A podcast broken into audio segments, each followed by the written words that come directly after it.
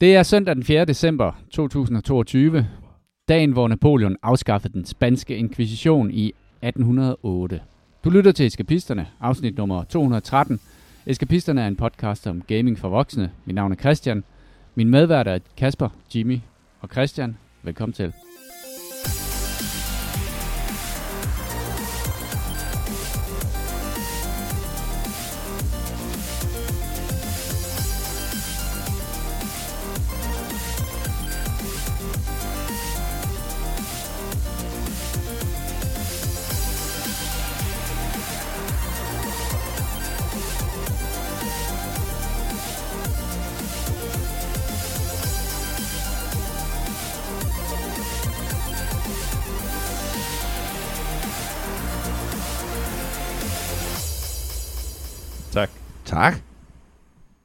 Jeg synes, at det der afsnit om datojournalistik, det skal bare helt overtage podcasten. Jeg, Jeg sidder- synes, vi bevæger os væk fra den gang, hvor du, hver gang du sagde mit navn, så var det sådan med en emphasis og begejstring. Men det var Fordi, som at Kasper jeg, blev ked af det. Og Christian, Hvorfor er vi gået væk fra det? det var fordi, jeg havde, jeg, var, jeg havde, fordi han bare, talte om jeg, sig selv. jeg havde rettet teksten til, og så kom jeg til at springe dit navn over. Dit navn var det første, jeg ville sige. Og så skulle jeg sådan have lige have flettet det ind til sidst. Åh oh, ja. Men sådan det, jeg kan. Og Christian! Improv. Og så glemte jeg lige intonationen. Men velkommen tilbage, Christian. Det er godt at have dig i stolen. Tak, Og tak. Kasper! Og Det har jeg velkommen til Kasper. oplevet. Jamen, Ja, Kasper, hvad har du spist her til morgenmad klokken halv fem i morges? Udover Star Øh, Trek Serial. Spiser du egentlig morgenmad, når du står så tidligt op? Nej, jeg spiser faktisk ikke morgenmad. Uh, Gør du aldrig det? Nej, Edgy. jeg, jeg går i gang klokken 12 til at spise mad. Så spiser du morgenmad. Eller frokost. Så har du været oppe i vanvittigt mange timer jo. Ja. Hvornår du står op? Øh, 34. Det holder aldrig op med at fascinere mig. Nej. At nogen kan gøre det. Jeg har fået med Coco Pops i dag, bare roligt. Okay. Var det gode Coco Pops? Var det de originale? Ja, det er som hver dag. De kunne gå hver eneste dag. Hvis du står op 34, hvornår skal du så i seng? Øh, typisk klokken 22. Shit. Og du er ikke uh, sådan smadret dagen igennem? Nej. Jeg har sådan en ret dosis af søvn, jeg skal have, men ikke mere, end er det heller ikke mindre. Fuck, man. Hvad, hvad, hvor mange timer sagde du? Fem? 6,5 timer. Seks og en halv. 6,5 timer. Ja, okay. Så det kan jeg også godt klare mig med, hvis jeg skal. Okay, så Men ikke over skal. længere tid. Ja, ikke over længere Men tid. det er ikke, det er nej, ikke fedt. Det er ikke, nej, det er overhovedet ikke Det fedt. kunne jeg, da var 20, det kan jeg søgt spoil ikke nu. Jeg, jeg gik i seng klokken 1 i nat. Ja. Vi skulle lige, have, vi skulle lige runde dagen af med lidt hunt. The Showdown. Det er pudsigt. Skal I ikke spørge Er det, er det pudsigt? Jeg har haft ferie. Ja, det er det jo, fordi jeg begyndte at spille uh, noget andet. Så er det sjovt, du vender tilbage til hånd, synes jeg. Ja, det kan vi snakke om senere. Der har været, der har været en del releases i den her uge her, og vi har spillet en af dem. Øhm, To af dem. men det kommer vi til. Ja, ja. Vi skal først have nyheder. Ja. Åh, oh, Skal vi starte med en nyhed fra dig, Kasper? Fra Det kan vi godt. Starfield. Ja, Starfield, som er det der Bethesda, de har været i gang med, hvad er det, 17 år, eller hvad, hvad de nu siger, de har været i gang med. Star Trek bare sejt. Ej, hvor har jeg savnet jul. øh, hvad hedder det? Um, der har de snakket meget om survival-dingen i det. Um, og øh, de vil prøve at tage et uh, take på survival, som jeg godt kan lide. Det er uden stresselementet. Er, Øh, er det udkommet? Nej, det er ikke Okay. udkommet endnu. Nej, men der, der har været nogle interviews. Ja. Er det Todd Howard også, som blev interviewet det her? Ja, det mener jeg, det er. Ja. Øhm, Han var på Lex Friedman podcast. Okay, jamen det, den har jeg ikke hørt. Jeg har lavet meget andet den her uge. Jeg har ferie, øh, som jeg prøvede at nævne før, fordi s- jeg har, ej, det snakker ind i alt muligt. Øh, hvad hedder det? mm, De, øh, hvad hedder det? Ja, Starfield, der sagde han, øh, hvad hedder det, at øh, de kommer til at have et survival-element, men de vil gøre, så det ikke bliver stressende. Hvilket jeg synes, synes er fedt, fordi det er noget, der holder mig for mange af de her spil, de snakker om, fordi at jeg, jeg hader det der, hvor... Men der er utrolig spændt på, hvordan har de tænkt sig at gøre det? Ja, det, det snakker han ikke så meget om, men han, han snakker om, at du ikke kommer ud for en situation, hvor du løber tør for fuel, og så skal bruge sindssygt lang tid på at mine efter det. Så jeg ved ikke, om det ligesom er sådan en... Øhm, for eksempel i brætspil, øhm, hvad hedder det, Firefly-brætspillet, der kan du, hvis mm. Du løber tør for fu- fuel, så kan Så du, kan du coaste, Ja, eller? sådan mosey around. Og jeg gætter på, at det, det er noget i den dur, så du aldrig sådan helt bliver... Men du, du føler lidt, okay, så kan jeg måske ikke... Øh, øh, lidt No Man's. Sky-agtigt. Måske. Der, der løb, Mm. No Man's Sky, der løber du tør for fuel en gang imellem, men alle steder du er, kan du mine efter det. Ja. Så skal du lige bruge 5 minutter på. Lige Men har man ikke en fusion reactor? Altså fuel? Hvad?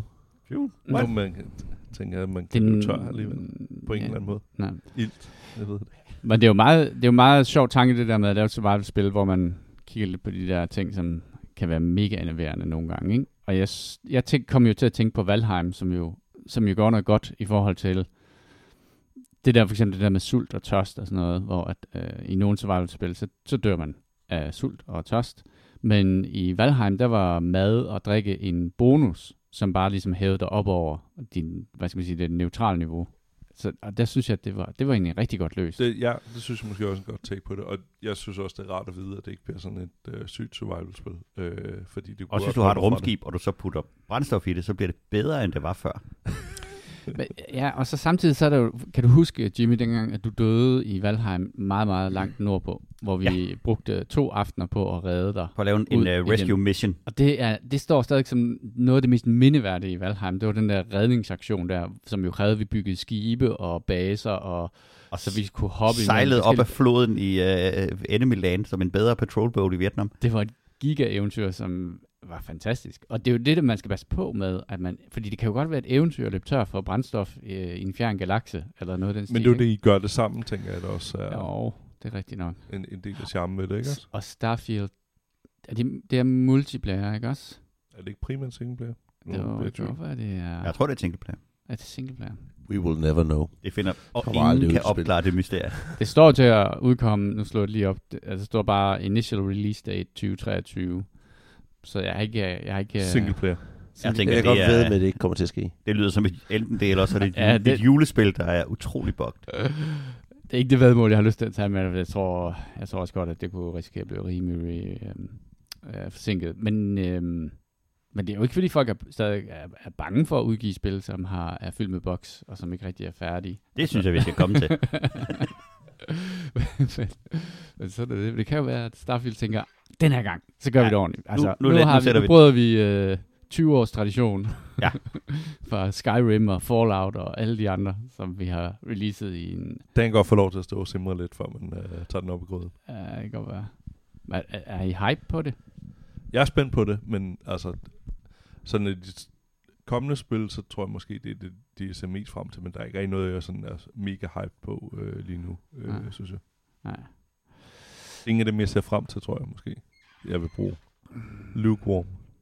Lunken. Let og lunken. Jimmy, vi har fået... Jamen, når det kommer, skal det nok blive rigtig godt. Det tror jeg også. Vi har fået alt muligt. Vi har, vi har fået en sponsor. Vi har fået alt muligt Ja, sendt. det har vi ikke. Nej, det har vi ikke, men vi har fået øh, en hel masse ting sendt. Øh, med spørgsmål om, om vi gider have en, en holdning til det. Øh, og det gider vi godt, men vi synes, det er sjovere, hvis vores lyttere har en holdning til det. Øh, så vi har fået en, øh, en kæmpe stor papkasse fyldt af smart home ting fra Humbly. For det Meget mere, Internet vi- of Things. The Internet of Things, meget mere end vi selv kan bruge. Så, øh, så derfor så var vores idé at lave øh, den store gaveregn trademark, Ja. som er øh, En konkurrence. en konkurrence eller en mulighed, hvor at øh, lytterne kan øh, rive nogle øh, julegaver hjem på den nemmeste måde i hele verden. Nemlig ved bare at skrive en mail til os, hvor at I skriver, hvad jeres indstilling er til øh, årets spil, og hvorfor. Ja. Og det behøver ikke være elaboreret, bare skriv et eller andet. Så, så, På vi, vores Facebook-side. så vi får noget, så vi får noget på banen. Og øh, så kvitterer vi med, at, og, og, så trækker vi helt øh, objektivt lod, og så, øh, så sender vi et eller andet tilbage. Og I må gerne lige skrive, om I har børn eller ej, om de er omkring 6 år. Fordi hvis I har det, så har vi sådan noget, øh, en hel masse fra noget, der hedder Orbboot, som er sådan noget øh, interaktivt legetøj. Øh, hvor at man via en iPad kan lave sådan noget augmented reality. Øh, med dinosaurer og alt muligt forskelligt. Det har vi ton af. Øhm, og så har vi en helt, en helt stor papkasse fyldt af smart home. Alt lige fra så... røgalarmer til LED'er til stikkontakter til, hvad pokker var der mere dernede i?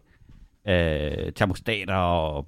Så Røgalarmer. ja, LED-strips. skriv, skriv ind med ting. jeres, øh, med Alt jeres øh, forslag til årets spil. Og hvis I gør det hurtigt, så tror jeg godt, vi kan nå at sende tingene, så I har dem inden jul. Og så har I sikret en øh, lidt random og ekstremt fed julegave der. Og så kan det være, at lille Bertram på 5 år får en termostat, som man Ja. kan styre via en app fra Og sin Grete telefon. på 45, hun får en øh, jordklode, der kan vise dinosaurer. Og Kasper, du må altså ikke skrive en masse e-mails med anbefalinger. For at skrive, øh, røre og gøre dinosauren. Kasper, du skal, skrive, du skal stadig skrive dine anmeldelser i, uh, i vores uh, rundown. Ja, okay. Og, og ja, Ekstra Og hvis I skriver- Har hvis man skriver på. Facebook. hvis I skriver ind med nogle spil, så øh, skriv hurtigt, fordi så kan vi jo nå at spille dem Så, Ja. Men, men vi siger, hvis vi nu vi tager de bedste, og så lover vi at, at tage dem med i, i diskussionen om Yes. årets spil. Som sådan en form for lille seer, lille er lytter, vores form for lytterinput. demokrati. Det er det. Det er det. Velkommen ombord. Bare fordi du lytter, så er du en medlem af klubben. Øhm, fedt. Det glæder jeg mig til. Øh, så skal vi snakke lidt om, hvad vi har spillet.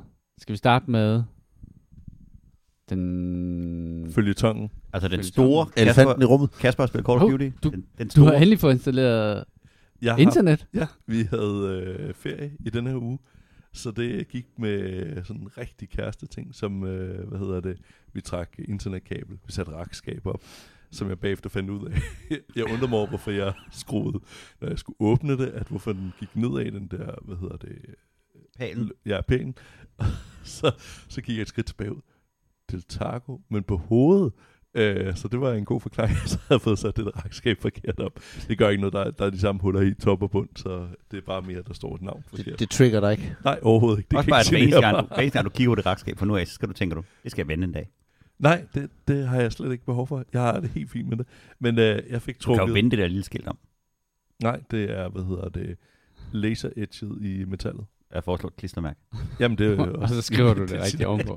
Jamen, så synes jeg, jeg bliver mindet mere om det, hvis det på en eller anden måde er, er en ting, jeg har Og gjort det er selvfølgelig rigtigt. Her, jeg har et klistermærke her, du kan sætte på. Øhm, Jeg tror, du kan dække den med det her. Så jeg, jeg lavede noget af det mest ekstremsportagtige, øh, hvad hedder det, man kan gøre. Det er, at øh, jeg skulle trække det der kabel ned til en stikdåse. Øh, altså en netværk. Hvad vil du sige, Jule? Jeg skal jeg snakke videre, før du kommer med dit ord. Cool Øh, story, bro. Ja, det er det mest ekstremsportagtige, du kan gøre. Jamen, um, nu kommer det jo. Fordi at så inde i den der ledning, i en netværkskabel, der er jo otte små ledninger.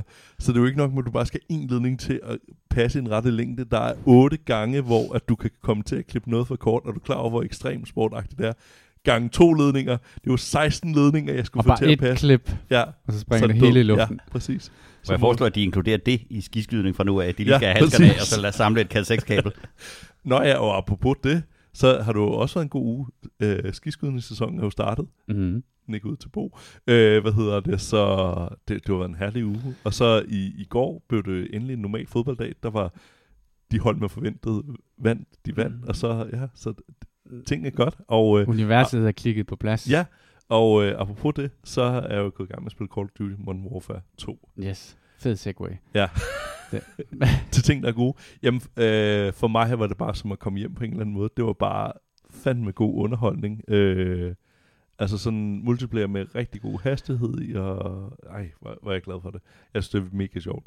Øhm, og nu, nu føler jeg mig lidt gammel, øhm, men øh, nu, nu siger jeg det alligevel.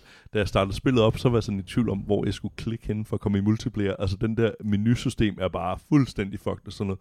Så kom der først nogle billeder op med sådan få Messi-layouter, og så tænkte jeg, hvad fanden har Messi med krig at gøre? Men så kunne jeg se en Ronaldo-layout, man også kunne få en, en hvad hedder det, altså sådan skins øh, i Call of Duty. Nå, når sådan wallpaper, Nej, eller nej. den Nej, måde, Du kan skins. spille som øh, Ronaldo eller Messi, ja. eller Ja, der løber rundt og skyder folk til højre og venstre.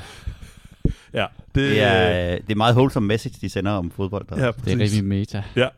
Øhm, men da jeg kom forbi de der dialoger, så, så var jeg sådan, jamen, jeg vil bare gerne spille normal multiplayer, og man får vist nogle suggestion først om et eller andet, der er populært i øjeblikket, og så Warzone, så jeg vil bare gerne Ej, det, spille det der med, med hot at the moment, eller hvad det er, det skal man holde sig utrolig langt fra, fordi Ja. ja. det er dem, der forsøger at pushe en eller anden play mode ud. Ja, og det, Det, det, Find ud af, hvad du godt kan lide, så skal du spille det. Du Ja. skal ikke alt muligt gøjl. Nej, og det, det var bare ret svært at finde frem til det der syge teglsystem der. Ja. Øh, men, Det men er- udover det, når jeg er kommet frem til det, ej, hvor er jeg glad for det. Det, det er bare Og godt. hvad, hvad, hvad er det så for en mode, du spiller? Altså 6, 6 mod 6? Ja, det gør Ja. ja. Er det, um, du, har du prøvet det der third person Nej, mosh pit? No. Det findes også i en af de der mange okay. tiles der. Det, det synes jeg bare var ret sjovt. Så det, det, det, det, det kunne være, jeg skulle kaste ud i. Ja, Men for det. mig er det jo bare det der med at komme hjem. Altså, Mm. den, den har den der hastighed, som da jeg spillede Quake Åh 3 ja. øh, Oh, ja. Arena, så det er bare... Jeg skyder bare penge efter det hvert år, med, for at få noget mere af det. Ja. Så, ja. Og du købte, hvad for en pakke? Jeg Købte du den dyre, den Nej, store? Jeg snakkede mig ikke ud af den, tror jeg. Jo, det tror jeg. Ja. Men derfor kunne det godt være, at du er gået hjem alligevel og har, Nej, nej. har gjort noget dumt. Ja, men det er det rigtigt. Jeg, jeg tror, jeg faktisk længe forsøgte at, øh, at sige, om jeg har behov for den, og I sagde, det har du absolut ikke behov for. Så jeg tror faktisk, jeg lyttede til jer til sidst. Jeg Okay. et, et godt. svagt øjeblik af fornuft, der, har, der er skyllet ind over mig. Men øh, det er bare et øh, multiplayer-spil med masser af gang i, og øh, god action, så det, det det er jeg rigtig glad for. Og man Ah. sp- respawner hurtigt, når man dør. Ikke at jeg dør, fordi jeg er fucking Ja, ja, men- okay, okay, okay. Hvornår er du udkommet? Spillet? Ja. Altså, det kom for en måned siden, eller sådan noget, okay. tror jeg nok. Ja. Noget af den stil. Så hvad vil du snakke om, Jule? Nej, ikke noget. Nej, okay. Det er ikke alt det her, der er, der er galle. ja, så ja, det, det kommer jeg til at bruge masser Skal du, øh, skal du spille? Vi snakkede jo lidt om, der var den der nye, der var der er også kommet det der Warzone, hvor, hvor der også er sådan noget DMC, som er sådan en extraction shooter. Den skal, de lige, øh, den skal de lige skrue lidt på, fordi de, har, de er i gang med at tune øh, enemy AI, og lige nu der er øh, fjenderne i den ved sådan rimelig omnipotente, okay. og de kan se dig ligegyldigt, hvor du er på, på mappet, og skyde igennem vægge, og det skulle være lidt, øh, det skulle være lidt svært lige nu. Man skulle måske bare get good. Øhm, så Der var nogen, der snakker om, at, at et af de gode gennemsteder var, at der er sådan et tog, der kører rundt om hele mappet. Så hvis du sidder inde i toget bagerst i, øh, bagerst i en af vognene, så er der, så kan der, der er ikke nogen, der kan se dig på nogen som helst måde, undtagen AI'en. Ah, okay. Den ved, hvor du er, så den skyder bare ind igennem væggene på den der togvogn og rammer dig hver gang. Men øh, ja, det er god under, men, men det, det tror jeg, jeg vil spille med jer, hvis jeg skulle. Men sådan rent single Mm. ting, så tager jeg bare den der 6 mod 6, hvor man bare kan komme ind i noget hurtig Ja. action. Ja. Jeg kunne godt lide uh, den der DMC, hvor man, som er sådan, hvor, hvor du går ind med, med dine egne missioner, til, øh, og der er andre hold, der også har deres missioner, og så kan man ligesom selv bestemme, hvornår man vil Men har I ikke spillet igen. det sammen, eller har I spillet det alene? Jo, jo, Ja. ja. jo, jeg har spillet sammen med øh, min nevøs øh, og øh, en af hans venner. Dit Så børnearbejder-crew. Min, min børne, min, øh, dem som bærer mig, som den der gamle mand, jeg er. Apropos at, at være gammel, så sad jeg lige her til morgen og så øh, På afslutningen. Jule? Nej, så følte jeg mig utrolig gammel. Øh, ja, nej, jeg sad og så, øh, den, der har været afslutning på Fortnite Season 3, og så kommer Fortnite øh, Season 4, så hvis øh, største call to fame er, at øh, Geralt fra The Witcher og The Hulk er med i Fortnite. Øhm, Altså det der season, er det bare, der kommer nye skins, eller hvad, Prøv hvad er der jeg, sker? øh, Okay. hvis, hvis, nu vi snakker om det der med at føle sig gammel. Jeg følte mig så gammel, da jeg sad så, så, så den der video. De havde sådan et eller andet event, hvor der var en masse ting, man skulle gøre og sådan noget. Så hele verden blev ligesom, det var mega flot lavet, blev opløst i sådan nogle øer, som lå og svævede ud i sådan et univers. Og så skulle man springe rundt med en kylling oven på hovedet og samle badebolde og hvad hedder det, snak. Der var sådan ligesom sådan nogle quests og sådan noget. Jeg synes, hvad, altså, det her spil, hvad, Hvad hvad, er det, hvad er det, hvad er det, Er det det udviklet sig til? Jamen, er det The Metaverse? De har alle sammen meget smarte sneakers på og tøj og sådan noget. Jeg er sikker på, at man kan købe hver eneste lille øh, item af de ting, der de rendte rundt med. Summa summarum, de skal bruge et nyt map. Hver gang der kommer en ny Fortnite-sæson, så kommer der et nyt map, og så er der en eller anden event, der gør, at Ja. nu skal kortet jo se anderledes ud, så må de jo lave et eller andet Ja. Trylleri og en, og en historie-event, der gør at det der. Men hvis Ja. man ikke er med i det, og bare sidder og kigger på det der, så tænker man, hvad, pokker foregår der? Men det minder mig lidt om... Altså, der er sikkert mange MMO'er, som har den samme grad sådan af indforståethed. Man skal ligesom have været med på rejsen, før, man, før det giver mening og sådan noget. Men sidst jeg var på det tog, der var det handlede det om at Og bygge et skur og sk- skyde nogen. bygge et skur og skyde nogen og forsøge at blive uh, nummer et, eller den eneste, der overlever bagefter. Det, det, ja, det er et vildt spil. Fuck, var det vildt. Jeg, jeg tror, jeg bliver nødt til at, at prøve at spille det. Øhm, så har vi spillet Warhammer 40.000 Dark Tide. Det er kommet... Udvikler Fat Shark. Det kom Det er egentlig... stadigvæk kun i pre-release, ikke? Nej, Nej, det, nej, det er jo også meget, kommet- meget forvirrende. Nu er det udgivet i final release. Unboxed. og, en, og en, Nej. Øh, ikke helt.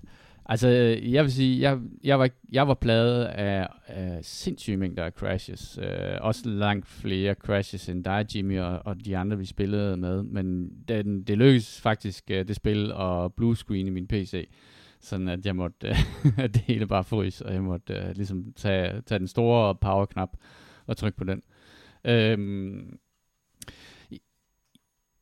skal vi starte med det, det dårlige og det gode, eller det gode og det dårlige? Jeg ved ikke helt, Ja, det er klart. Det, det er et meget øh, godt sted at starte. Fordi det mest irriterende er, at jeg synes jo i bund og grund, at det her spil er pissegodt. Øhm, Ja. øh, og det er meget, meget tydeligt, synes jeg, at det er dem, der har lavet Vermintide, og det vil sige, de ved godt, hvordan sådan en firemands Left for Dead skal skæres på en eller anden måde. Øh, og så har de en masse, masse viden og, om, hvordan man laver melee combat, altså det med at slå på andre med svær og tunge genstande og sådan noget, så det føles rigtig, rigtig fedt. Øh, det nye det her er jo så, at der også er våben, fordi der er jo las rifles og bolters og stoppers og hvad de ellers hedder, de, alle de der våben i Warhammer 40.000. Og jeg synes også, at, der, at det, den har de altså også nailet. Altså følelsen af at skyde med en, nu bruger, nu bruger jeg sådan en las rifle. Øh, det der, Laserpointer. ja, sådan en, men det er jo alligevel den der, hvordan oversætter man lyden af noget, som jo i virkeligheden, altså lyden af lys, men sådan et, et smæld, sådan et searing pop, eller sådan noget, når man skyder med det der. Og vi har jo valgt, hvordan sådan en fantasigevær skal lyde. Det har vi, men, det, men jeg synes også, men det er jo det der med, Men det at- virker. Ja, det virker mega tilfredsstillende at bruge de der skydevåben. Det fungerer pissegodt. Øhm, Er der en campaign? der er en campaign, som er lavet på den måde, der, jeg, tror, jeg tror ikke, der er sindssygt mange maps. Jeg tror kun, der er omkring 6 maps eller sådan noget.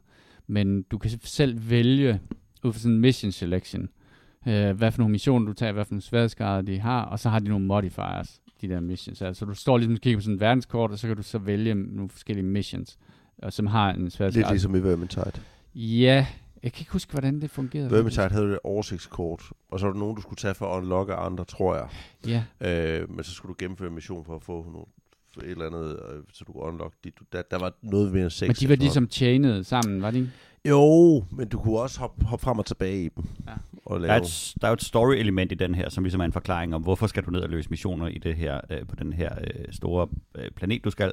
Og så har du et oversigtskort over, en, øh, over den her øh, hvad det, Hive City, og så kan du vælge nogle forskellige øh, hvad hedder det, øh, Insertions. insertions, og der, der kan du så se, hvad for en kort vil du ende på. Øh, og Så, så, så Space Marine med Tyranids, eller hvad er man? Nej, du er, øh, man er i sådan et ragtag band, der arbejder for en Inquisitor. Så man er fire forskellige, øh, hvad hedder det, eller en- du er en gruppe af fire, øh, hvor du så kan være øh, Psyker, øh, Salad, Veteran eller Ogren. Og det er så de fire klasser, der er. Og Psyker, det er jo en klassisk øh, mage user, en øh, Veteran er din sharpshooter, øh, Salad er sådan en øh, melee og, og, og skyde standard øh, soldat, og så Ogren, han er så din, øh, din, din tank. Øhm, og ideen er så, at man skal, man skal ned og løse nogle opgaver, som kan være at beskytte et tog, eller øh, stjæle en coolant rod til et eller andet, så det springer i luften, eller slå en eller anden ihjel, eller... Så der er sådan en hav af forskellige missioner, og de er så blandet op, sådan, så at du kan lave de samme... På de samme kort kan du lave forskellige missioner. Så du kan løbe igennem et kort, du har prøvet før, men du skal lave nogle andre ting nu i det her kort. Og så er der sådan nogle øh, modifiers på kortet, for eksempel, der er ligesom weather effects. eller den Tåge, eller Ja. mørke, Ja. eller low intensity, eller high intensity. Og på den måde, så kan de skrue på alle mulige måder, så du får forskellige oplevelser på de her kort. Mm. Og så på de, øh, der er fem sværhedsgrader, når du løber de her. Øh, og det dikterer også selvfølgelig, hvor svære monsterne er, men det dikterer også, hvad for nogle monster, der har tænkt sig at komme efter dig. Fordi efterhånden, som Mm. du skruer op for den, så møder du nye og svære øh, mobs, der kommer og, og, og banker løs på dig. Og nogle af dem, som måske var, var end-level i de første, de bliver mere standard i de næste kort. Øhm, og, og de gode ting er ved det her spil, at de har fat i alle de rigtige håndtag, når de skal lave det her. Øh, vi sad i går og var helt i ekstase over øh, musikken i det her spil, som jo er lavet af Jesper Kyd, den øh, legendariske øh, musik øh, composer til, til fantastiske spil. Øh, og, og, og noget, som vi i Danmark bør være utrolig stolte af. Mm. Og så har de Dan Abnett, som er en af mine absolute favorit øh, hvad hedder det, øh, forfattere, også uden for Warhammer 40K, til at skrive baggrundshistorien om, omkring det her. Så den hænger også sammen, hvis man gider at, at sætte sig ind og læse om det. Øhm, og så, øh, og så er det, spillet er utrolig flot. Og de har gået virkelig, virkelig meget ind i Warhammer 40K-loven.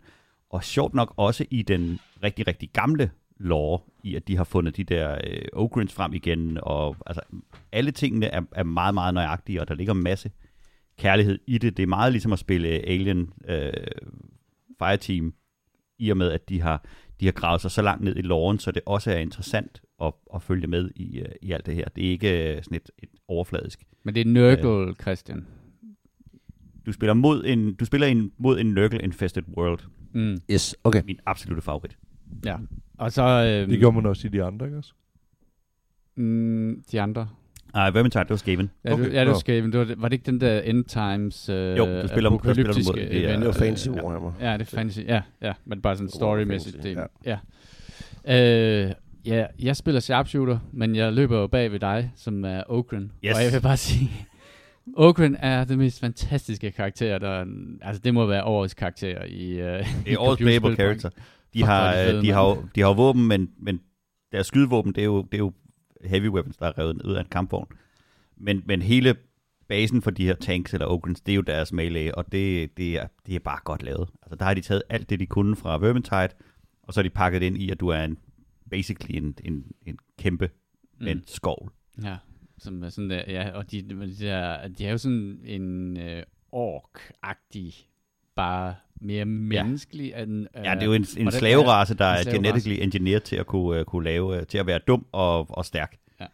Så det er jo noget, jeg kan sympatisere med. Så jeg vil sige, at være stærk. jeg, jeg tror rigtig meget på, at det her det bliver, det bliver endnu bedre, end det er lige nu.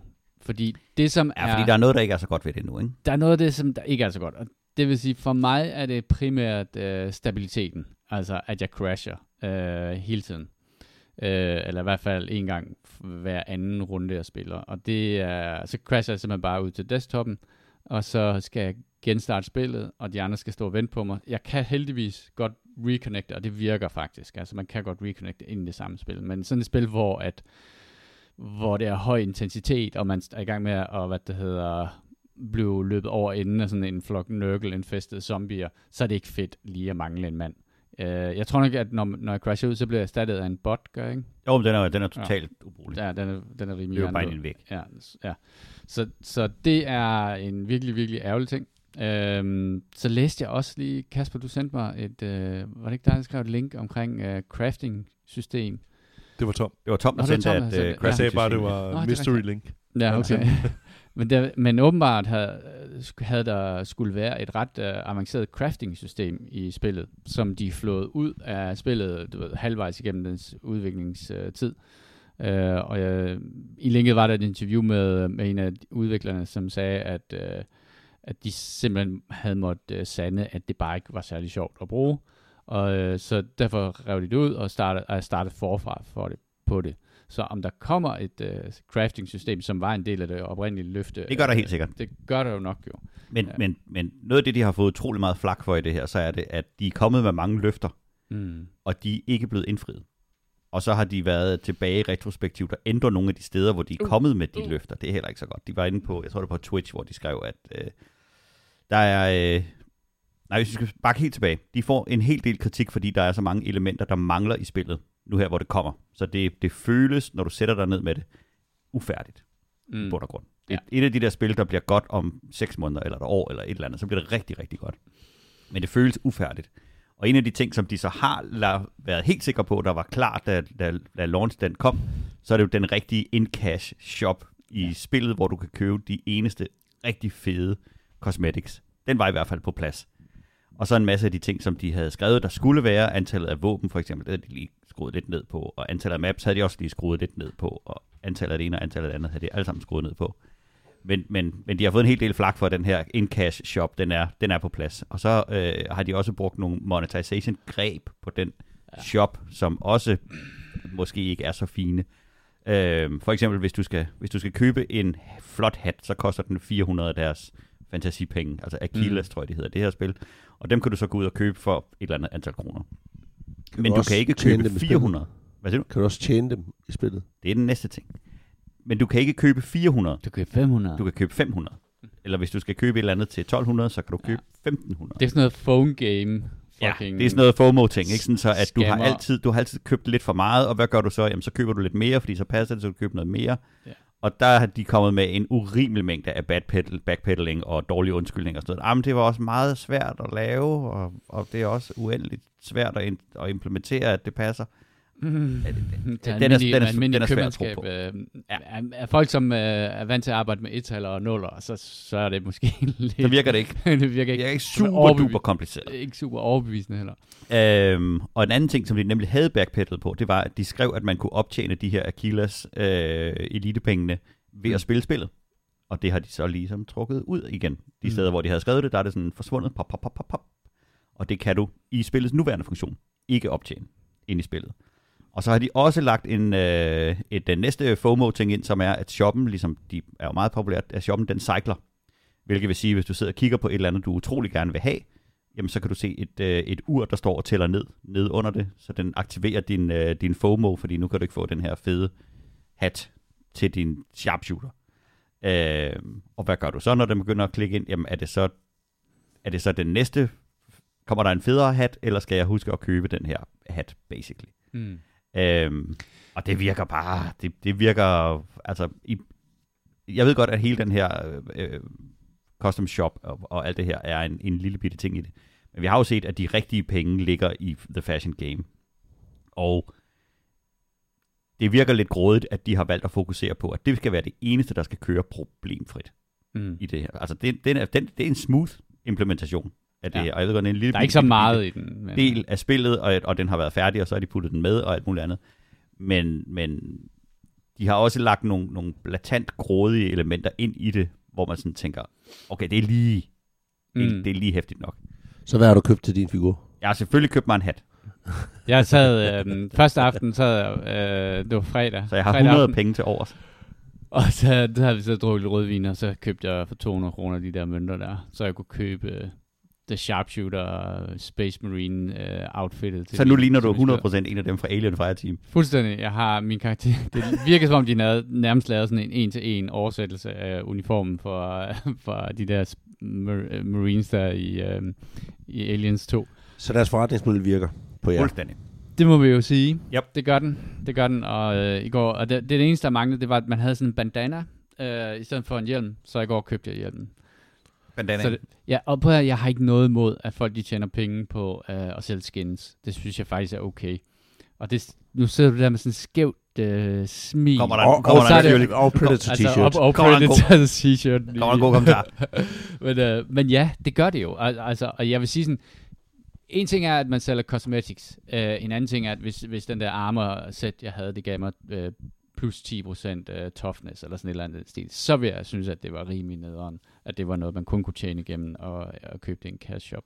Man kan jo godt købe andre outfits og sådan noget, men, men også bare det, at man starter jo, man er, jo- altså det er jo okay, man starter sådan en fængselsdragt, ikke? som er sådan en rød pyjamas.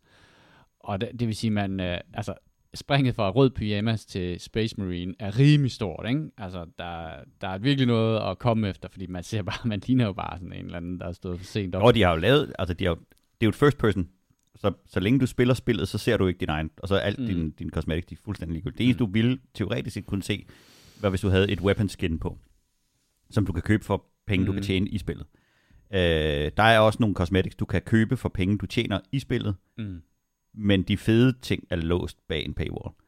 Øhm, men de har lavet det så genialt, så når du er i den der hop, hvor at man løber rundt mellem missionerne og ligesom opgraderer sin våben, eller køber nye våben, eller alle de her ting, så, øh, så kan du se din karakter Mm. og de andres karakterer. Så, så det er heldigvis ikke sådan, at man aldrig ser det fede, fede skin, man har på. Mm. Så, øh, Jeg kan nok vide, hvad det der crafting-system egentlig var designet til at skulle være, fordi jeg hørte nogen, der pipede lidt omkring weapons attachments, altså scopes og altså hele Call of Duty-pakken ja. der.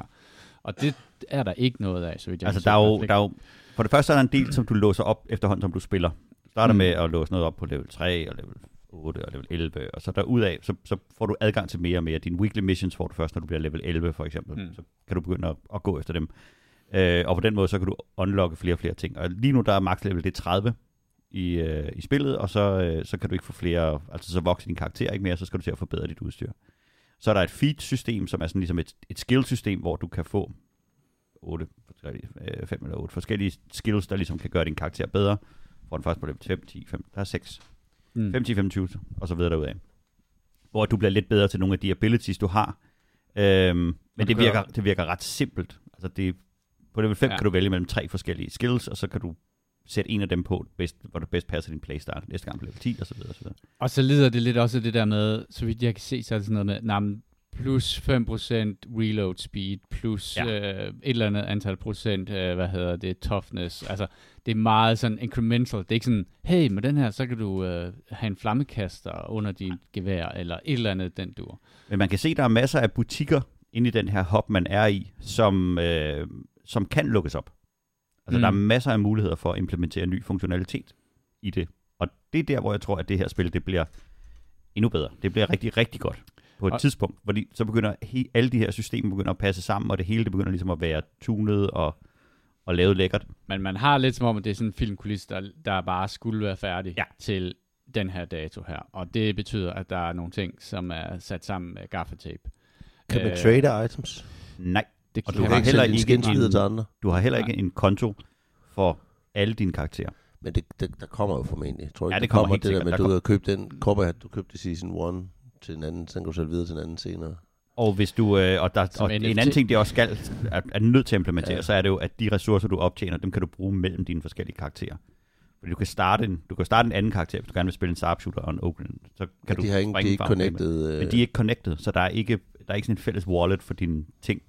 Mm. Øhm, så der er, en, der er en hel masse ting, de skal have, have lavet i det her. Men det, som de har til gengæld, det er, at de har bygget nogle, de her Hive Worlds, som er utroligt flotte. Mm. Kortene fungerer rigtig, rigtig godt. De er, de er lavet, de er meget, meget detaljerede. Øh, de er, altså, grafikken er kommet op på et niveau, hvor det er så skarpt, som man nærmest ikke tror på det efterhånden. Øh, og gameplayet er solidt, og Ja. det holder. Men, men det er som om, at de ikke er, de er kommet i mål med rigtig, rigtig mange andre ting omkring det. Og det er lidt ærgerligt, fordi det gør, at, at gameplayet, det, det, øh, det, det, det halter en lille bitte smule, fordi det er det eneste, du kan lave. Du kan løbe de her missioner, som... Og, og det sjove i de her missioner, det er jo at finde ud af, hvad er det, hvad er det for en, en mekanik, jeg skal have til at virke her. Men den bliver meget hurtigt repetitiv i spillets nuværende tilstand, fordi du skal kæmpe dig igennem et eller andet mængde af monstre for at komme et sted hen. Og så skal du holde monstrene på afstand, mens du gør et eller andet. Mm. Og så er det jo lige meget, om du skal samle en dims op og sætte ned en anden dims, eller du skal stå og trykke på en, en øh, pad i 5 sekunder uden at blive forstyrret, eller du skal trække i to håndtag samtidig, eller et eller andet. Hvis det er det samme, du basically gør igen og igen og igen. Og det er jo det er jo lidt ligesom essensen af problemet for de her spil her, det er jo, at det er run-based. Man tager et nyt run, et nyt run. Hvordan sørger man for, at det er afvekslende? Jeg synes, at Back for Blood for eksempel var ret gode til at lave nogle endgame mechanics på hver bane, som var ret forskellige. Som Ja. ikke var så hvad det hedder, monotome, som jeg lidt frygter, at det her det er. Det vil også sige, at der er en anden karakter, som er Psykeren, som, vi, som ingen af os spiller, øh, som jeg bare har læst meget om, at der er mange, der synes, at han er en virkelig, virkelig dårlig karakter. Han er sådan en, en Psyker er jo Warhammer 40.000, sådan svar på en magiker, ikke?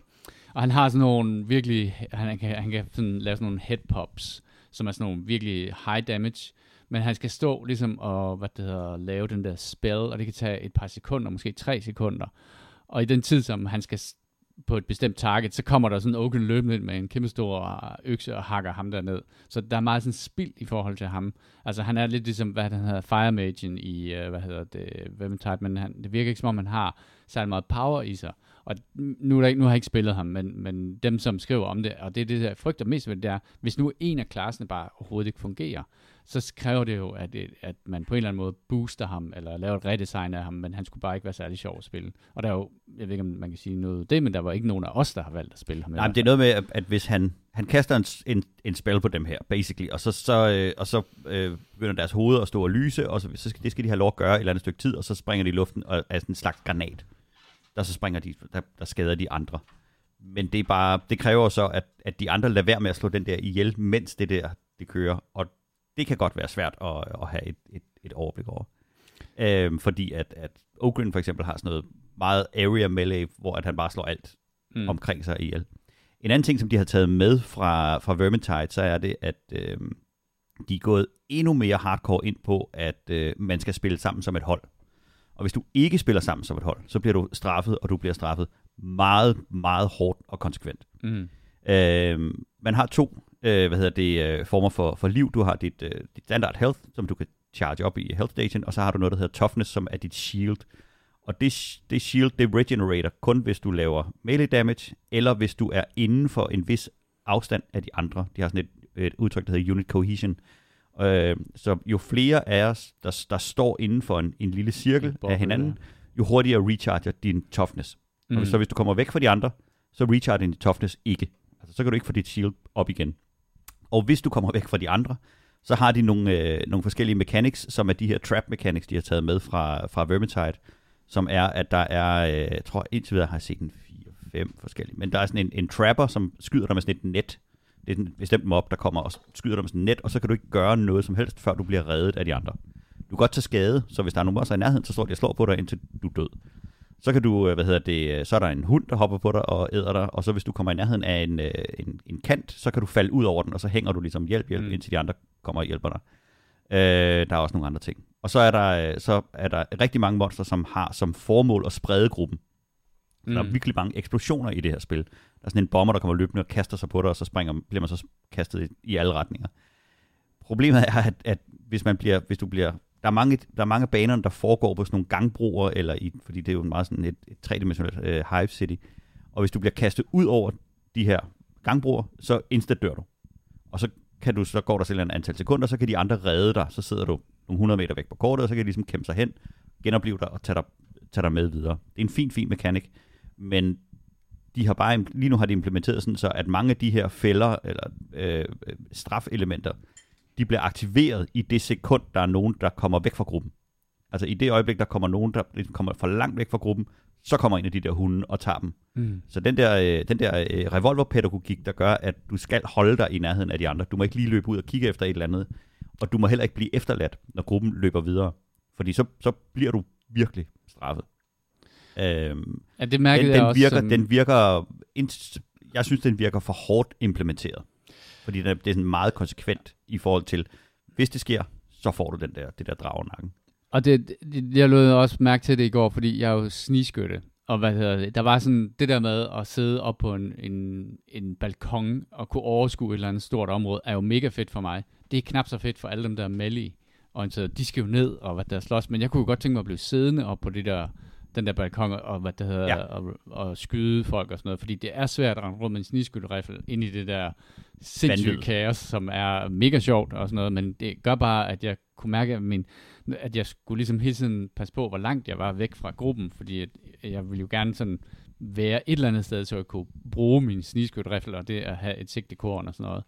Øhm, Jamen, det, der, der er som om, at nogle af funktionerne er ikke rigtig landet i spillet endnu. Altså, det, Ja. det der, du spiller i gruppen, mm. er ikke rigtig landet landet endnu. Vi spillede til, vi var level 8, da vi stoppede i går, og vi var alle sammen enige om, at vi havde haft det mega sjovt. Ja. Øhm, og det er jo altid det der med, hvor man siger, at det er sjovt, hvis man spiller sammen med nogle venner. Jamen, det er der meget, der er. Altså, men, øh, men det er det jo. Altså, og, det- og vi Og havde, selv fodbold er sjovt.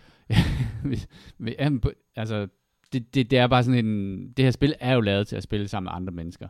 Øhm, og jeg ved ikke, hvordan... Altså, random... Hvis man bare logger ind og spiller sammen med randos... Øh, Det fungerer godt. Det fungerer Men- bedre, når du kommer op i level, fordi så ved folk, hvad de skal lave. Ja. Og hvad de gør ikke. Jo, Jo. jo, jo dårligere folk er til spillet, jo mindre sjovt er det. Altså, jeg ved ikke, hvad der sker, når vi har spillet det her igennem nogle gange. Sådan rinse and repeat, Christian. Det er jo det, som du ikke kan lide, jo. Altså, Om jeg var ikke... Uh, Vermintide synes jeg ikke var dårligt. okay. Nej, men, men det der med, jeg har, jeg har en fornemmelse af, at det her det er mega fedt i en måned. Men altså, jeg må Øhm. sige, at det er sådan, som jeg, I fortæller, og det jeg lige har, kan læse på Mm. øh, i Jimmy skærm. I the current state kommer jeg ikke til at spille. Nej. Øh, på en lang bane, tvivlsomt. Mm. Jeg er, er bange for, at i den tilstand, spillet er i nu, så er der for mange mennesker, der bouncer på det, og det kan godt give et, Ja. et negativt feedback loop. Man kan jo se, det, altså, vi, vi var jo all guns blazing på Valheim øh, i sin tid. Og så var vi færdige. Ja. Og vi er jo ikke vendt tilbage. Nej, på trods af... Øh, men- Ah, Jimmy har da genstartet vores server. Ja, ja. Men, Men- men, men, det kommer jo ikke til at ske. Man får ikke den samme, øh, samme gejst en gang til, og samme Nej, det er også- gang til, og altså- det samme med Cyberpunk. Ja. Den der med kicks på dag 1, det kan godt være, at spillet i din current state er fantastisk, ja. but I'd never know. Nej. And I don't care. Øhm, Og det er jo det der med, hvis man... den, den, tror jeg, det bliver nok uden mig indtil en eller anden dag. At det er, hvis alle folk lige pludselig raver om det, så kan det godt være ligesom Alien Fireteam, at jeg, jeg spiller Starter det. op efter. Det, ravet efter alle alle folk om er færdige. Fireteam. Ja, Siger du? det gjorde de. Hvem, hvem ravede? Det gør du. Nå, Rigtig Nå, meget. okay. Og nu er alle Christian, folk. kom Ja. på. Vi spiller Fireteam. Det er, så, det er det fedeste. Men det, er, du men det er super cool, at spillet er på Game Pass. Hvilket vil sige, at der er rigtig, rigtig mange mennesker, der kan prøve det og se, om det er noget for dem. Mm. Og hvis man, hvis man har Game Pass, jeg tror ikke, jeg kan advokere mere for noget produkt end, end Det er Game fedt, Pass. fordi det er gratis. er, det er basically gratis. Ligesom at få en Berlingske og et rundstykke, så er det også... Præcis. det er gratis. Men det, Så, så på den måde, så, øh, så, er det jo, så er det jo, jeg synes, det er godt set at lægge det derud. Men, men spørgsmålet er, hvor længe ligger det på Game Pass, og hvor meget når det at marinere? Det lyder som om, der er for lidt content i det også. Det lyder som Jamen, om, det der er er for der lidt historie og for lidt dybde. Og, og så er det så ærgerligt, at det er buggy. Det, det, det virker virkelig som botched release. Med noget, der kunne have haft rigtig meget potentiale, for det er Ja. en stærk udvikler. Det, det, det er sgu synd. Ja, vi har det- alle det de er rigtige Warhammer, kræfter. Of der, Warhammer, der kommer. Og that, de har endnu aldrig ramt den endnu i forhold til spil. Der var, øh, der var, et- hvad fanden var det, hedder, Death, Deathwing, eller sådan noget, hvor man spillede sådan nogle Space Marines også, som jo... Øh, Gears of War-kopien. Øh, Gears of War Queen. Nej, det var også sådan et øh, firmands hvor man, hvor man var i sådan nogle... Øh, Det var det, hvor du spillede Space Terminators, der Hulks. var inde i sådan et Ja. skib, ikke? Ja. Jo, men det var en, Det nærmest en, en, en, det var en meget underlig hvad hedder det, adaption af et brætspil Ja. til et, altså, den der måde, skibet var bygget op på, kunne du se det teglsystem, der var i brætspillet. Ja, det var bare ikke særlig godt. Og der vil jeg bare sige, det her det er bedre. Det er så meget bedre end... Altså, jeg, jeg tror, det her det er et af de Hvad med det der, bedre, spillede, hvad hvor det hedder, man, Warhammer øh, 40.000 spil. det der XCOM-agtige? Nå ja, øh, battle, der var Battle Sector, som var sådan et øh, strategispil, og så var der øh, det der Demons, øh, Demon Hunters øh, spil, som også var rigtig fedt Ja, faktisk. ja. Game of the Year. Ja. Øh, det kan vi snakke om, når vi nærmer os den tid, Christian. Men ja, jeg har det da, i hvert fald, jeg har det på en liste. Ej, i prøv hvert da, fald. Warhammer 40K er jo fedt, men, men de har bare ikke ramt den endnu. Nej. Og det, altså, det er jo ærgerligt nok, fordi det der med, hvis jeg kom, altså fordi de, de brænder jo deres største fans først. Fordi dem, som er first in line, dem, der har ventet på det, dem, der glæder sig til det, så kan det godt være, at der er en eller anden samler det op om- et år og bare tænker, det er jo verdensklasse, det her spil her. Men for alle os andre, som på en eller anden måde har- har, vi er bare brændt af. Altså, og det er jo det samme, der skete med uh, Battlefield uh, 2042, som jeg jo stadigvæk spiller, og som jeg vil bare sige, er endt et virkelig, virkelig godt sted i forhold til, hvor, hvor det var, da det startede for et år siden. Men man er begyndt at kigge grådet efter det næste, ikke? Jamen, så kommer Call of Duty, og så, ligesom, så, så bliver den bare glemt, ikke? Altså, um, der er jo en grund til, at der hele tiden er gratis weekender. Det er også kommet på Game Pass nu, og alt muligt andet. Men, altså, fordi det er et fremragende spil nu. Men det, det tog et år for dem. Øh, og en masse smæk øh, over nakken. Hvad for et spil? Øh, Battlefield 2042. Nå. Øhm, men ja, og det tænker jeg lidt af det samme med det her. Jeg tror, Vermintide var også et spil, som ikke startede synderligt godt, da det lige kom frem. Det er selvfølgelig en lille udvikler også, men det er jo ikke en lille udvikler længere. Nu har de et navn, og nu har de et renommé, og det var dem, som opfandt, du ved, melee combat på den fede måde i first person shooters øh, universet. Men det er sjovt, fordi jo, altså, Games Workshop, som ejer det her, hele det her Warhammer konglomerat og alt mulige andet ting, de er i stand til at lave utrolig gode beslutninger og utrolig dårlige beslutninger på samme tid. Og det gør bare igen til at bevise, at vi bor i et, et univers, som er en simulation, fordi der er skruet op for to modstridende ting på samme på, på, på alting. Men, men Games Workshop er jo, er jo i forhold til computerspil, jeg tror aldrig, der har været nogen i verdenshistorien, der har taget så dårlige beslutninger som dem. Og jeg går ud fra, at ham, der øh, i sin tid sagde, nej, det må I ikke, da Blizzard kom og sagde, må vi bruge jeres franchise til at lave, øh, hvad hedder det, øh, World of Warcraft. Øh, fordi der synes Games Workshop, de var da et mega fedt sted, de skulle, der var ikke nogen, der skulle komme og tage deres. Øh, og så byggede, så byggede et lille firma, der hedder Blizzard, et lille spil, der hedder World of Warcraft, som blev en lille bit smule populært. Øh, som jo var en til en kopi af alting i, Mm. i, i deres øh, univers. Og så efterfølgende har de så givet deres license væk til alle computerspil i hele verden. Og det gør bare, at alle mennesker, der spotter en semi-gratis licens til et computerspil, de laver noget var lort. Mm. Og, og det er nemlig The Curse of Warhammer. Det er, der er ikke Warhammer-spillet. Mm. Der er ikke det der spil, hvor du tænker, ui, nu skal jeg ned i det. Nu skal jeg dykke ned i det her. Jeg tror, der er mange, Warhammer, der... det er bare, det er bare bygget til plastikfigurer og, og Ja. svedige folk i kældre, der sidder og, og, og nørkler over de tre steder, at øh, den verdens største lore er modstridende. Øh, og det er, det, er et, det er uden sammenligning det fantasy-univers, eller fremtidsunivers, jeg har den aller, aller, aller største kærlighed til, og den jeg har brugt allermest tid på at sætte mig ind i og vedligeholde og alt muligt andet. Jeg elsker figurspillet, jeg elsker alt ved det. Men Jesus, hvor kan de lave dårlige forretningsbeslutninger. Det til Okay. trods, så har Games Workshop jo konsistent et overskud på 1 milliard om året. Ikke en omsætning, men et overskud på en milliard. Men det må også være et, et vigende overskud, hvis der er inflation og sådan noget. Det tror jeg ikke. Ja. Ja. Du må aldrig, aldrig under, undervurdere, hvor meget mennesker de investerer i plastik. Christian, du har spillet uh, Magic. Til alles overraskelse. Det var bare noget, jeg bare sagde. Jeg ved det faktisk ikke, om det er sandt. Nej, det har jeg, det har spillet lidt, lidt, men altså, det er jo, jeg spiller ikke særlig meget i øjeblikket, men jeg spiller Magic Arena, ligesom Jimmy spillede på et tidspunkt. Jeg har spillet det før, og så har jeg haft en lang, lang, lang pause. Hvad synes du om det? Jamen, man, øh, jeg synes, det er, det er fint. Øh, jeg synes, det er godt på den måde at forstå, at øhm, det, du kan spille ret free-to-play. Du kan bruge penge derinde mm. På at købe packs og på at købe alt muligt andet, og skins og, og deck sleeves og, og avatars, som er din repræsentation af dig. Undskyld, den skal jeg lige have igen. Kan du købe dæk Kan du købe deck kan man sleeve sin virtuelle kort? Ja, ja. The sleeves? Får du så lov til at sidde Ja. Jeg håber, at de? Så har når du spiller mod implementeret- modstanderen, så ligger Ja, din dæks med den bagside op af. Jeg håber, de har implementeret, at hvis du ikke har dem sleeve, så bliver din, så, så degenererer de, så bliver Nej, de det slidt det, det har det. Men altså, det, det er er, 100 pixels i et det- kort, og du vidste det er en ret smooth engine. Og du kan spille mange af de formater, man kan spille Magic i derinde. Du kan ikke spille Commander, som øh, jo princippet er en multiplayer ting. Det kan, Ja. Du kan kun spille one-on-one. Og den store, det er, man spiller standard derinde, som er det der med, at der kører ligesom et år af udgivelser, og hver gang der kommer en ny cycle på, på et tidspunkt, så fylder de bare på, på, på. Jeg tror minimum, jeg kan ikke huske, det er tre cycles eller sådan et eller andet, der er for at udgøre standard. Øh, og så kom, hvert år bliver der udgivet tre øh, cycles, som er standard legal. Og så kommer der, så hver ny udgivelse, der kommer på, bliver så blandet ind i den der standard cycle. Så det er de kort, du må spille med. Og så på et tidspunkt, så er der drop-off, hvor de ældste bliver skåret fra, og så skralder man ned til, så er det igen kun 3-4 cycles, øh, der er lovlige, og så bliver der fyldt på med de nye udgivelser derefter. Er det ligesom modern? Eller Nej, modden er så et andet format, som Nå. bare rækker lidt længere tilbage, Okay. og siger, der må du spille alle kort fra den dato, og så til i dag. Okay. Så der bliver der bare fyldt mere og mere på over tid, og det er det samme med Pioneer. De har bare forskellige datoer, de starter på, okay. hvornår det var. Øh, men ligesom kører, så er der Historic, som er gamle kort, og, og så videre. Så der er forskellige modeller, du kan spille, og mange af dem, ikke alle, men mange af dem kan du spille ind i Arena. Og lige nu har jeg egentlig kun spillet standard. Jeg tror, jeg skal i gang med at spille Pioneer, fordi så kan jeg begynde at dukke op i de der spilbutikker og spille i fysisk stand ude i byen og sådan noget. Øh, fordi det du så gør, så køber du de virtuelle kort øh, via guldmønter, du optjener i spillet, bare ved spille. Så det kan du købe uden at bruge rigtige penge. Øh, og hver gang der kommer en ny cycle ud, får du nogle starter packs til den cycle gratis for ærerne, som du kan køre, og så kan du modificere dem og bygge dem op. Øh, så, så jeg har bare spillet standard og fået bygget et ret svedigt dæk der over øh, lidt ganske, på ganske kort tid, og så vinder man og ranker op, og så spiller jeg op til, så du starter i bronze, tror jeg, så silver, og så gold, og så platinum. Og så kører der så, jeg ved ikke om det er en måned, det kører, og så bliver ranking reset, så dumper du ned igen et par ranks, og så, bunker, så længere du kommer op, jo, jo, jo mindre er du dumpet ned, kan Mm. man sige, så, så jo mindre skal du bygge op. Og så får du awards, alt efter hvor meget du så har, øh, hvor højt du kommer op i ranks.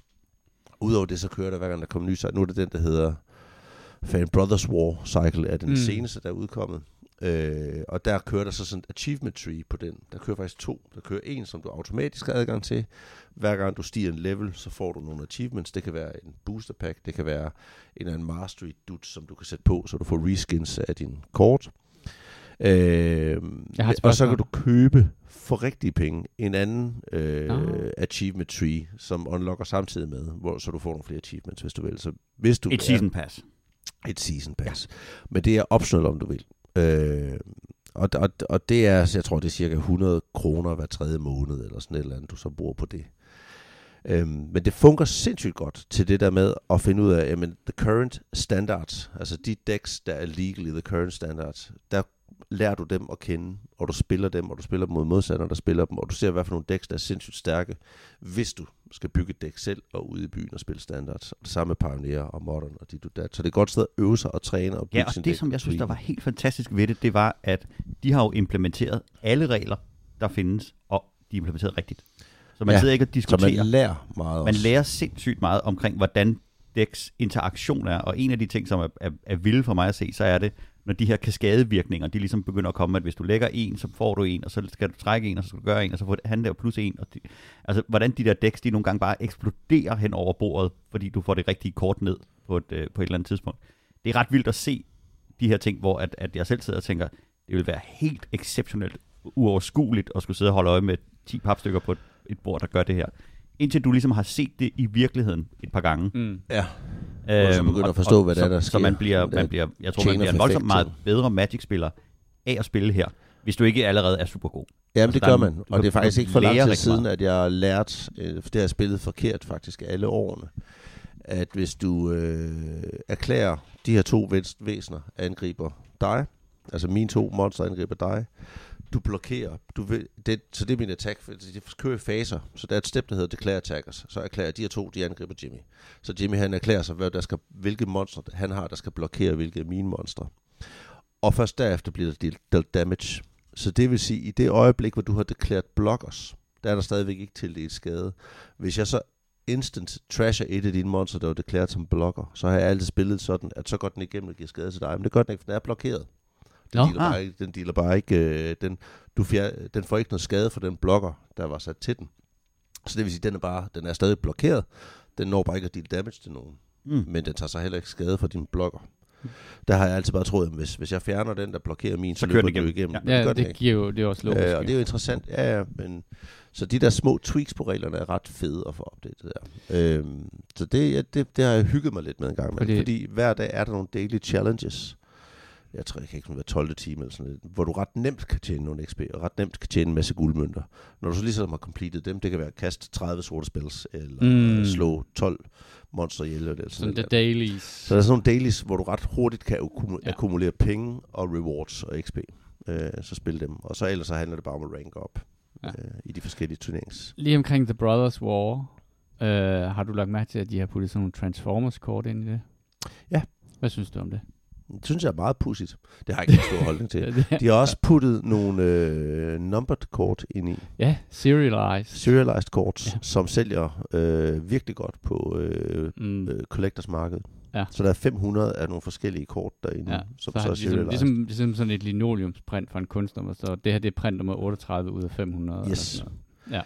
Og de gør det rigtig godt. Og det er Det jo, en, det, det er jo noget, som, øh, som gør, at... Øh, og den er heller ikke, indtil videre, er den heller ikke blevet skam printet, den her cycle. Så det virker som om, at det har været et godt træk for Wizards. Øh, så har de haft den her 30th release, 30 års øh, fejring af, af Magic, hvor de udsendte sådan nogle pakker, som var også sindssygt dyre. De der sorte øh, Ja, de har, ud, de har reprintet alle fra, fra, fra, fra Power alfa eller beta. Og, ja. Så Power 9 og Dual Lanes og sådan nogle ting, øh, med gamle sorte borders på og sådan noget, øh, i lidt et redesign. Og så udsendte de booster packs på det, og de kostede afsindig meget. Jeg tror, det var 250 dollars per booster pack. Eller sådan Og hvor mange kort er der i en booster pack? 15? Ja, 15. Hvor mange købte du dem? 0. Men der var, der var en, et kæmpe back raw fra fanbasen, hvor man ligesom alle influencers og Var det ikke YouTubers det, de jo- sagde, at de ikke ville genprinte nogle af de der øh, kort? Jo, men det har de jo heller ikke, fordi de er jo ikke legal i nogle turneringer. Og på bagsiden har du ikke Magic bagsiden, du har sådan en Mm, proxy okay. bagside. Ja. Så det er kun et kort, som, er, som ikke kan bruges til noget. Som bare er Det er collectors. Det, Det er pynt. Jeg, men- men det er jeg så har en ret utroligt god sjældent. farveprinter, hvis der er. Jule, du. Og de, sat, de har jo sat, der er jo nogen, der dataminede på det, for da de satte det til salg, der var der ikke særlig mange, der købte dem, fordi der var et kæmpe stort push fra influencers på ikke at købe de her. Så da de endte med kun at sælge, jeg tror det var 1900 packs, øh, og der var 2500, der havde været inde og prøve at lave købet, og kun 1900 gået igennem, fordi folk har trukket det tilbage. Og så er der folk derude, der er begyndt at lægge YouTube-klip op, hvor de destruerer de her kort. Ja, det har jeg også set. Jeg har også set nogen, der har hugget, dem, hugget sådan en pakke midt over, og så sad de bagefter helt, helt svedige for at kigge og se, om der var en Det er Power godt. 9, de Ja, ja, havde ja. hugget midt over. Men det er jo fantastisk, og det betyder, at, øh, at, at the community har spoken. Mm. i forhold til det. Fordi ønsket fra community, det er jo, at de skal lave færre releases, og at de ikke skal printe releases i fuldstændig smadre. Jamen, det, det er jo netop det. Altså, det, det tager jo noget af charmen fra det, ikke også? Altså, Jo, jo. Det er jo blevet december, og hvad hedder det, Lea har lavet sådan en øh, kalender øh, til mig. Og øh, jeg, jeg, og så stod der, hvad hedder, jeg stod og kiggede, åh, oh, shit, hun for det første, ikke? Jeg har jo glemt at købe noget til hende. Men Nej, du har bare sørget for en ekstra stor gave. nemlig, lige præcis. 24 lige præcis. pearl Jeg kan- necklaces. jeg Det kan jeg godt 20 huske, du at- snakkede. Det kan jeg godt huske, du snakkede om med mig allerede i sommer med den gave, du havde forberedt til. Ja. Men, men, Ja. hun lytter måske. Nå, ja. Øh, ja, og det er jo, og der, hvad hedder det, så hver eneste øh, morgen, når jeg står op, så får jeg jo sådan en booster pack, eller en øh, med 15 kort, som jeg så kan sidde, øh, mens jeg drikker min te og spiser min ostemad, og hvad hedder det, pakke sådan en op, og det er bare, fuck, hvor er det dejligt. Det er virkelig, virkelig fedt at sidde og, og kigge de der kort der. Det gør det til en års ting. Også fordi, når man får 15 kort, så har man også tid til at dvæle lidt ved dem, ikke? Altså, sådan, nej, det er fedt art, eller kunne vide, hvordan den her virker, og sådan noget. Så Der, hvor du skal pille i dem, og så, se, øh, så, så begynde at bygge et commander deck. Og se, tag en af dem, du ja. har, de der Ja, ja, lige præcis. pre-generated. Ja. Og jeg kan forstå, Pella, at, og så begynder øh, at sige- at det er muligvis øh, dig, der har, har købt dem, Christian. Ej, det kender jeg ikke noget til. Så jeg har i hvert fald lagt mærke til, at der er en sammenhæng i forhold til de booster packs og de kort, jeg har i forvejen, som jeg måske... Ja, Det er jo de er, de er, de er, de er mysterier. fra standard cycle alle sammen. Ja. The Ej, det, det, det er sjovt. Jeg, jeg bliver helt misundelig, når du snakker om det. Jeg, jeg fandt også min gamle Magic, øh, hvad hedder det, mappe frem. Og Elisabeth var sådan, "Hvor- hvordan kan du huske den? Og så, jeg, Hvad jeg skulle kunne du for den? sådan med, hvad hedder det? Det sjove var, at der var så mange af kortene, hvor at fordi at det der artwork, der var der, det gør, at jeg kan huske teksten, eller øh, navnet på den. Mm. Det var sådan en kort, jeg jo ikke har set i, ja, hvad, 15-20 år eller sådan noget. Jeg kunne huske præcis, hvad det var, den kunne gøre, og hvorfor jeg havde taget den med, hvad for en kort det var, de spillede sammen med. Det er bare sjovt, det sidder bare så fast på ryggraden, altså noget, jeg jo ikke har Et beskæftiget barns mig med. hjerne, Ja, det er svamp. det suger bare til sig. Det er ligesom, jeg har en, uh, en ret stor viden omkring kampvogne under 2. verdenskrig, fordi jeg ja. sad sammen med min storebror og byggede modelsammensæt, og så sad vi og, og researchede på, hvad de kunne, og hvad de hed, og hvad den her variation var. for noget. Det har, det, jeg kan bare ikke glemme det. Det, har bare, det fylder bare en vis del af min hukommelse. Øhm, Ej, bare Lea, hun havde ønsket sig en uh, kampvogn i uh, kalendergaver. så jeg har fået en, uh, en, en Panzer 4 med skørter, uh, som er de der panserplader, de hænger på ude for siden. Nå, men det, jeg jo ved, at det her, det kunne vi blive ved med at snakke om, og vores lyttere elsker det. Øh, men øh, Kasper, du har også spillet noget andet. Jeg har spillet Soccer Story øh, på, hvad hedder det, Steam Deck. Ja. Øh, den er også tilgængelig på Xbox Game Pass, fandt jeg ud af bagefter, jeg havde købt den til øh, de der 18 øh, euro. Øh, hvad hedder det? um, Og øh, det er sådan lidt et, et spil, jeg fandt, sådan, som føles sådan lidt, mens vi venter på Sports Story øh, på, hvad hedder det, um, Nintendo Switchen. Det er ikke lavet af de samme, og det er der, hvor, at, hvad kan man sige, det, det smager lidt, lidt af en sådan mockbuster, øh, altså som man kender fra filmverdenen Mm. film, der kommer samtidig med en eller anden stor film, som for eksempel den kendte Snake on a Train, Transmorphers, The Da Vinci Treasure og lignende. Øhm, altså hvor man Det- det lig, ligger så, så, så tæt på den, øh, hvad hedder det, titlen af, Edward Penishant. Ja. ja. altså hvor du ligger så tæt på, på den, der er blevet, øh, hvad hedder det, hypet så meget, at man ligesom øh, regner med at få noget, noget trade-off. Og det, der sådan gør jeg ekstra sådan meget mistænkt for det, det er, at det er et engelsk firma, som har lavet den, altså hvor fodbold bliver opfundet, øh, hvor det jo hedder football, og så de valgt at kalde det Soccer Story, øh, hvor at det nye spil fra dem, der lavede Golf Story, jo hedder øh, Sport Story. Så det smager sådan meget af, at det, det, det er en mockbuster, og hvis man også spiller spillet, øh, det, det er lavet på præcis samme måde. Så, øh, det er lidt mere 3D-agtigt, sådan, øh, hvad hedder det, noget, ja, sådan klassisk Zelda-agtigt spil, men hvor der også er noget vokset øh, grafik i, øh, og der er små minigames i, og så videre. Men verden føles ikke så fuldt med, med historier. Altså det, det føles sådan meget overfladisk og virker som, at det er blevet pushet øh, til det her. Der er også forskellige øh, crashes i det, og ting, der ikke helt fungerer. Man bliver ikke rigtig let på vejen og sådan noget. Så det føles meget som en, ja, en, en sådan billig mockbuster. Jeg har Mm. desværre trådt rigtig i suppedagen med også at købt det, og ikke bare taget den på Game Passen. Men det er meget underholdende. Altså, det, det, det føles som nogle af de der gamle spil, men altså, jeg, jeg tror bare, jeg vil vinde på, på Sports Story, hvis man, hvis man sidder ligesom mig og Jimmy og bare tæller dage til det, til det kommer, ikke? Så, Jeg har slet ikke ventet. nej, præcis. Øh, så ja, en, en, en, en, en billig mockbuster, øh, gratis, hvis man hopper på Game Passen. Så ja. Glas. Nej.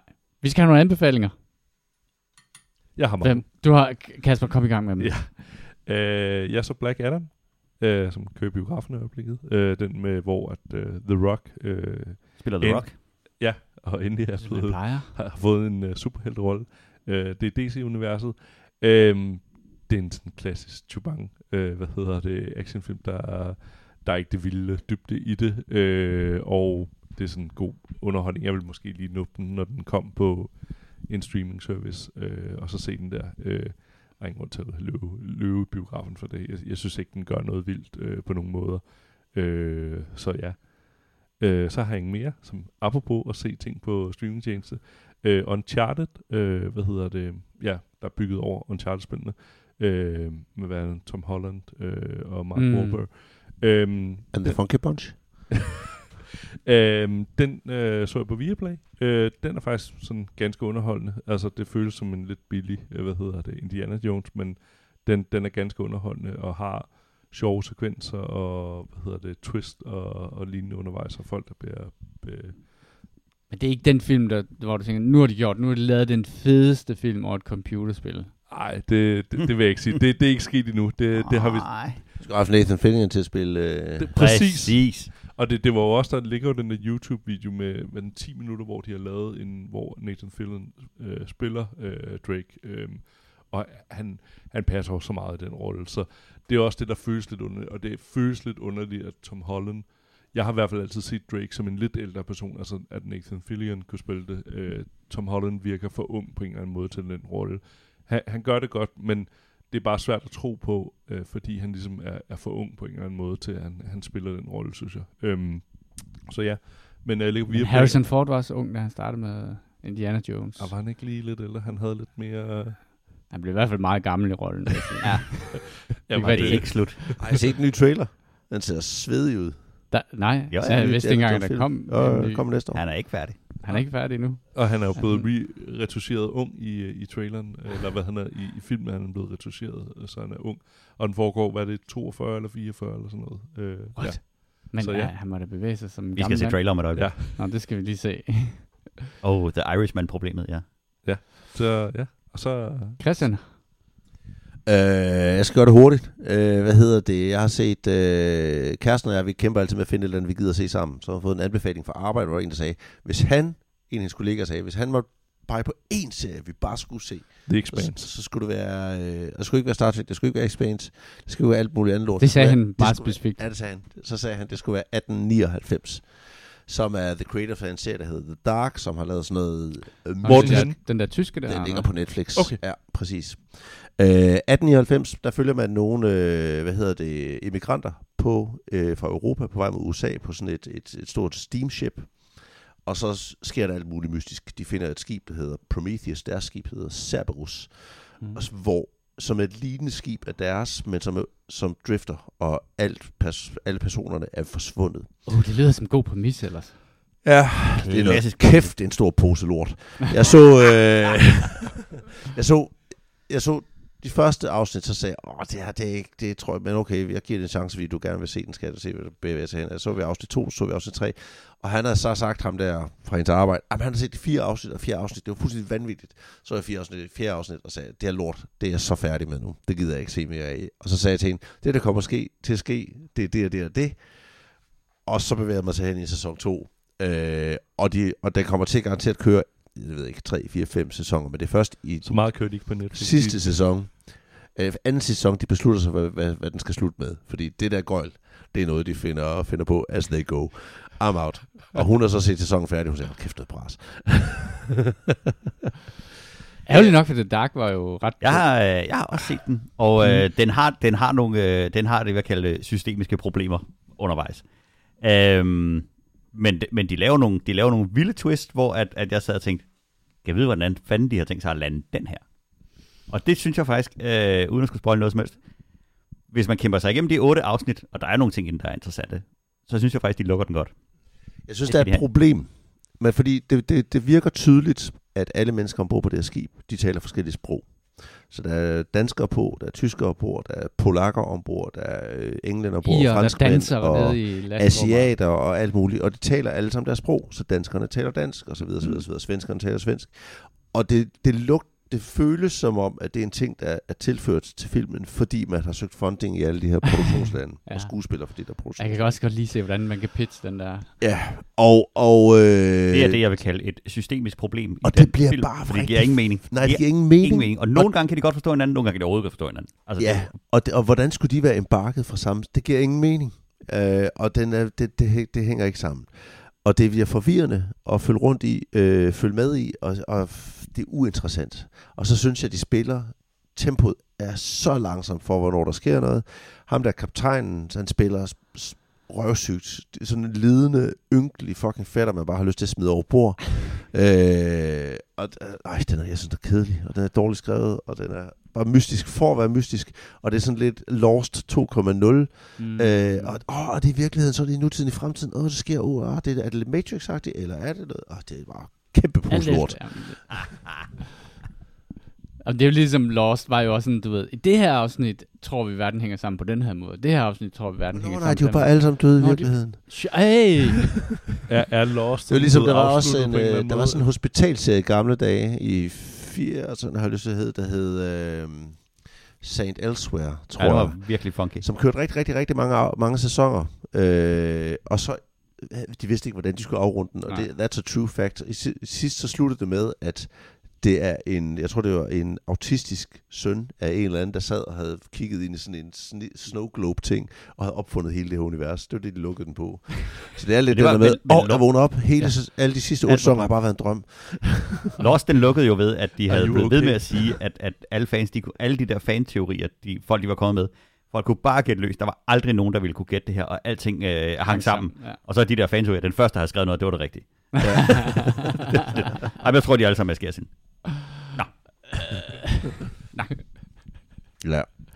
Kasper, har du en sidste en lugten af med? Det har jeg selvfølgelig. Øh, Statsradiofonien, DR-TV, har en øh, serie, der hedder På skuldrene af bord, øh, som er øh, 5-6 afsnit øh, på cirka et kvarter, hvor at øh, de dykker ned i forskellige øh, Øh, følge, øh, hvad hedder det, øhm, virkninger, hvis man kan sige det sådan, af, af, af- af Bohrs atomteori. Øhm, og det, der er interessant, hvis man er mig, øh, også for jer, kære lytter, det er, at man kan følge min øh, tidligere arbejde. Øh, jeg arbejdede øh, på Rigshospitalet i øh, cyklotron, øh, PET og cyklotronenheden, og man ser mine to gamle chefer, og de går rundt om den cyklotron, hvor jeg har været nede masser af gange. Det er utroligt fascinerende at se. Fascinerende. Øh, men det, det, det, der er spændende ved det, er, at den gennemgår, hvor mange forskellige øh, hvad hedder det, ting, at øh, Bohrs atomteori har haft øh, betydning for. Øhm, så ud over, hvad hedder det, i det afsnit med sundheds, øh, eller hvad hedder det, øh, radioaktiv medicin, hvor hun siger, øh, hende der er leder af hele området, siger den, da hun startede, der døde øh, 90% af alle børn, øh, eller der døde faktisk alle børn, der havde kræft, og nu er det nede på, at man redder altså 90-95% af, af børnene. Så det er jo virkelig øh, fascinerende. Øh, men de går også øh, og snakker om, øh, øh, hvad hedder det, kvantecomputer og teleportation og entanglement, så man kommer rundt om rigtig mange af emnerne. Det jeg måske synes, der mangler, og det kan måske være en fagskade, fordi jeg ligesom har arbejdet med mange af de her ting, er, Underholdningselement. øh, Compliant Mechanics. Wow. Øh, det er, at jeg, jeg ved ikke, hvor godt de forklaringer er, når de prøver, hvad kan man sige, at, at lægmand forklare øh, de forklaringer af nogle af områderne. Der synes jeg, det halter lidt. Men det kan lige så godt være en fagskade, hvor at jeg synes, der er en bedre lægmandsforklaring i det. Men det er sådan en 15 minutters afsnit, hvor man kommer rundt i rigtig mange af de ting. Altså, og det kan ligesom ikke underdrives, hvor meget at øh, Bohrs atomteori har, har betydet for den moderne verden. Så den ligger på DR Ja, det er tydeligvis godt overdrives. Nej.